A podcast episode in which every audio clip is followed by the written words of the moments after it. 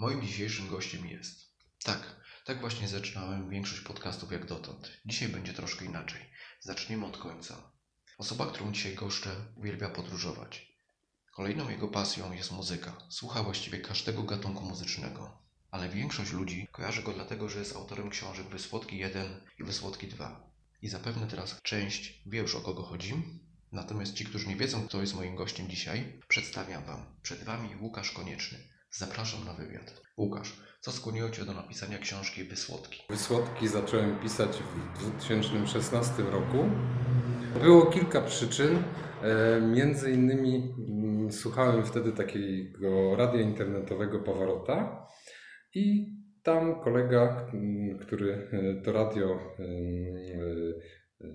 prowadzi, miał taką audycję cotygodniową, kwadrans z Greda i puszczał kawałki z lat 70., 80. i za, zadaniem słuchacza było zgadnąć po jak najkrótszym fragmencie, co to za kawałek, dokładnie co to za e, utwór muzyczny oraz jaki zespół bądź wokalistka czy wokalista e, ten utwór wykonuje. No i podczas którejś z tych audycji po prostu jakoś tak mi przyszły, e, przyszedł jakiś pomysł na, na, na, jakieś, na jakąś historyjkę z lat 80. I tak to się zaczęło w marcu 2016. Myślę, że też e, mam syna, który teraz ma 12, e, prawie 13 lat. W 2016 roku miał 7-8 lat. I myślę, że też e, chęć utrwalenia swoich jakichś wspomnień, swoich czasów dzieciństwa, żeby mój syn sobie kiedyś na przykład przeczytał, jak ja spędzałem dzieciństwo. Bo to mniej więcej wysłodki, no to są historyjki z tych lat, kiedy ja miałem od 7 do powiedzmy 12 lat. Jakiej grupie czytelników dedykujesz swoją książkę? Nie miałem jakiejś sprecyzowanej grupy y, odbiorców. Oczywiście y, myślę, że moi rówieśnicy sobie powspominają, czytając wysłodki, y, swoje dzieciństwo. Ludzie w wieku moich rodziców czy rodziców moich kolegów, no też sobie myślę, że powspominają czasy, kiedy oni mieli po 30 lat na przykład, ponieważ teraz mają około 60, 70. E, Ale myślę, że też ludzie młodsi, którzy obecnie mają 20 lat, mogą sobie e, poprzez lekturę wysłodków no, odtworzyć czas Gostynia e, lat 80. Nie był on tak kolorowy może Gostynia jak teraz, natomiast no, każdy jakoś tam dzieciństwo idealizuje, no i dla mnie ono przypadło w latach właśnie 80. No i te lata wspominam, tak mogę określić. Kto jest na okładce książki Wysłodki 2? Znaczy to nie jest tajemnica, e, myślę, że się nie obrazi, to jest Monika Cebulska, e, sios, e, córka przyjaciół moich rodziców, państwa cebulskich. Jak wygląda proces pisania książki, aż do momentu, gdy trafi na półkę w księgarni? Myślę, że najważniejszy jest pomysł. Ja w ogóle zacząłem od tego, że napisałem pierwszą historyjkę, opublikowałem ją na profilu facebookowym i jakiś tam odzew był, ileś tam polubień, trochę komentarzy. Drugą opublikowałem, trzecią, czwartą. Zobaczyłem, że e, nie jest to tak, że mm, po prostu opublikowałem, nic się z tym nie dzieje. Wymyśliłem nazwę, chyba już od samego początku jakoś tak wysłodki mi się nasunęły same na, na po prostu, przyszły mi po prostu tak wysłodki. E, Taka krótka nazwa, oczywiście nazwa e, miała charakter najpierw roboczy, ale jak to z nazwami roboczymi na, najczęściej jest, już po prostu została, bo nic, nic fajniejszego mi nie przyszło na myśl. A się okazało, że wysłodki wszystkim się podobają, a jeszcze jak sprawdziłem, żadna książka nie nazywa się, e, nie, nie nazywa się Wysłodki. Nie ma takiej książki, która ma taki tytuł, co mi się też spodobało. Bo no, nie ukrywam, nie chciałbym, żeby się okazało, jak już sobie wydaję książkę, po jakimś czasie, że już taka książka o takim tytule powstała. Także pomysł, e, jakiś tam odzew był, tytuł, powiem tak, y, lata dzieciństwa spędzone w Gostyniu w latach 80., to to nie jest, myślę, oszałamiający jakiś temat. Jest to temat takich książek już ileś powstało. Jest to sprawa lokalna. Stwierdziłem, że wydam to sobie z własnym sumptem. Tym bardziej, że to nie jest powieść, to, to jest zbiór opowiadań.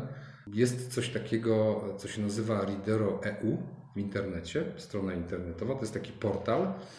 I tam sobie można się zalogować, samemu złożyć książkę, wydać od A do Z, samemu złożyć, poskładać, e, wstawić okładkę.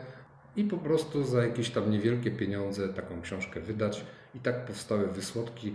Pisałem je od marca mniej więcej do połowy sierpnia i w ciągu, przepraszam, od marca do mm, połowy lipca i w ciągu mniej więcej trzech tygodni, czterech złożyłem e, oraz wydałem. Pierwsze, pierwsze egzemplarze premierę miały e, na takiej imprezie właśnie Radia Pawarota, e, która się nazywa Trzęził Party. Jest koło Grodziska Wielkopolskiego. Taka opuszczona stacja kolejowa, Ujazd. Tam była taka niewielka, fajna, sympatyczna impreza z koncertem i również e, chłopacy z radia zaprosili mnie, żebym tam miał premierę książki. Jaki jest Twój ulubiony rozdział? Pani dentystka z różnych względów po prostu do dzisiaj, kiedy przekraczam e, gabinet dentystyczny, no przychodzą mi ciarki, a sprzęt właśnie w szkole podstawowej numer 3 w gabinecie dentystycznym no był straszny. Teraz jak raz na jakiś czas, tak jak każdy bywam u, u dentysty, jest znieczulenie, te, te wszystkie wiertła, nie wiem jak to się fachowo nazywa, no jakoś tak one, one wchodzą w, jak w masło, natomiast to, co wtedy przeżywało się na fotelu dentystycznym w latach 80., to był horror. Ja, ja na pewno nie można było żadnego znieczulenia oczekiwać, po prostu bolało i koniec. I to bolało naprawdę, a nie tak jak na filmach, nie?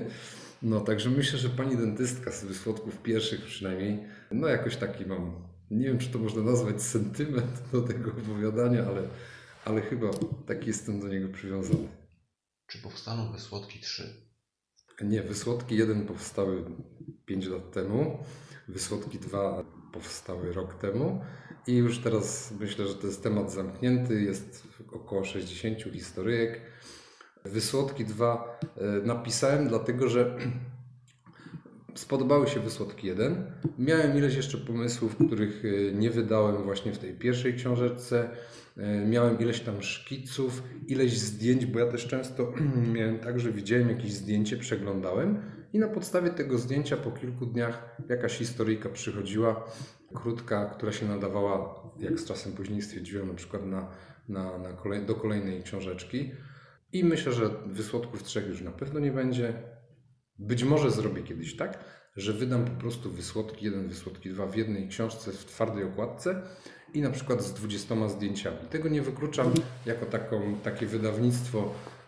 Nie, nie wiem, czy będzie można kupić, po prostu zrobię z jakieś 50 sztuk i, i, i dla rodziny, i dla znajomych je przeznaczę, a to, to może za parę lat zobaczę jeszcze. Kolejną Twoją pasją są podróże. Masz jakieś swoje ulubione kierunki? Polsce ze względów yy, yy, takich przyziemnych, czyli bliskość, to są nasze tutaj najbliższe góry, czyli okolice Jeleniej Góry, Szklarskiej Poręby, Karpacza. Yy, mieszkam w Lesznie, także wsiadam teraz w samochód, jest SK, 2,5 godziny jest się na miejscu, na dłuższy weekend typu piątek, niedziela można przyjechać, a nawet można sobie w sobotę rano wsiąść do samochodu i w niedzielę wrócić i tam te 7-8 godzin w górach spędzić.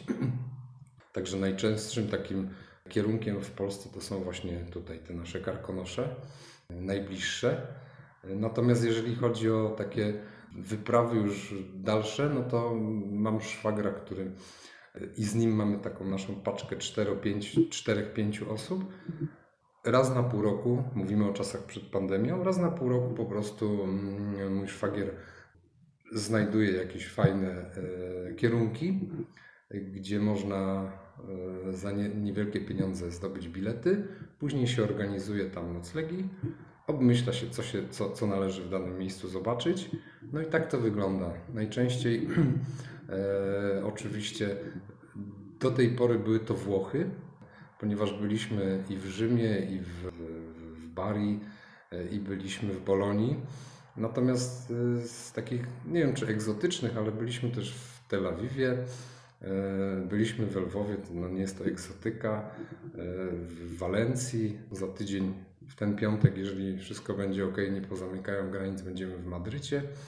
No zwiedziliśmy już trochę tych, tych europejskich głównie, głównie miast. Byliśmy w, w Belgradzie. Ja, ja, ja najbardziej mnie fascynują i, i najbardziej mi się podobają Włochy. To jest, to jest państwo, które ma tak bogatą, po pierwsze, kulturę, yy, piękne zabytki, Przy, przy, o przyrodzie nie będę mówił, no bo każdy wie, że tam jest wszystko w zasadzie co najpiękniejsze. Z Wrocławia do, do, do Bari jest yy, Wizer, Wizer, lata Wizer. No i tam, jeżeli miał pieniądze, to bym sobie kupił gdzieś pod Bari jakieś, nie wiem, kawalerkę czy dwupokojowe mieszkanie i raz na tam, powiedzmy miesiąc bym sobie latał na tydzień. Muzyka. Muzyki zacząłem słuchać no właśnie w, w, czasach y, lat, połowy lat 80., wtedy kiedy miałem te 7, 8, 9, 10 lat.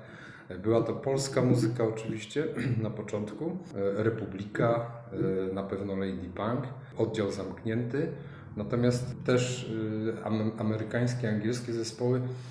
Ja nie powiem, że wtedy już byłem wielkim fanem tego. Oczywiście znałem takie zespoły jak e, The Police mm, czy Talking Heads. E, Natomiast e, ja jestem fanem muzyki punkowej, takiej alternatywnej, która początek swój miała pod koniec lat 70., na początku 80. Z polskiej muzyki bardzo cenię Roberta Brylewskiego, e, który był współtwórcą Armii czy Izraela.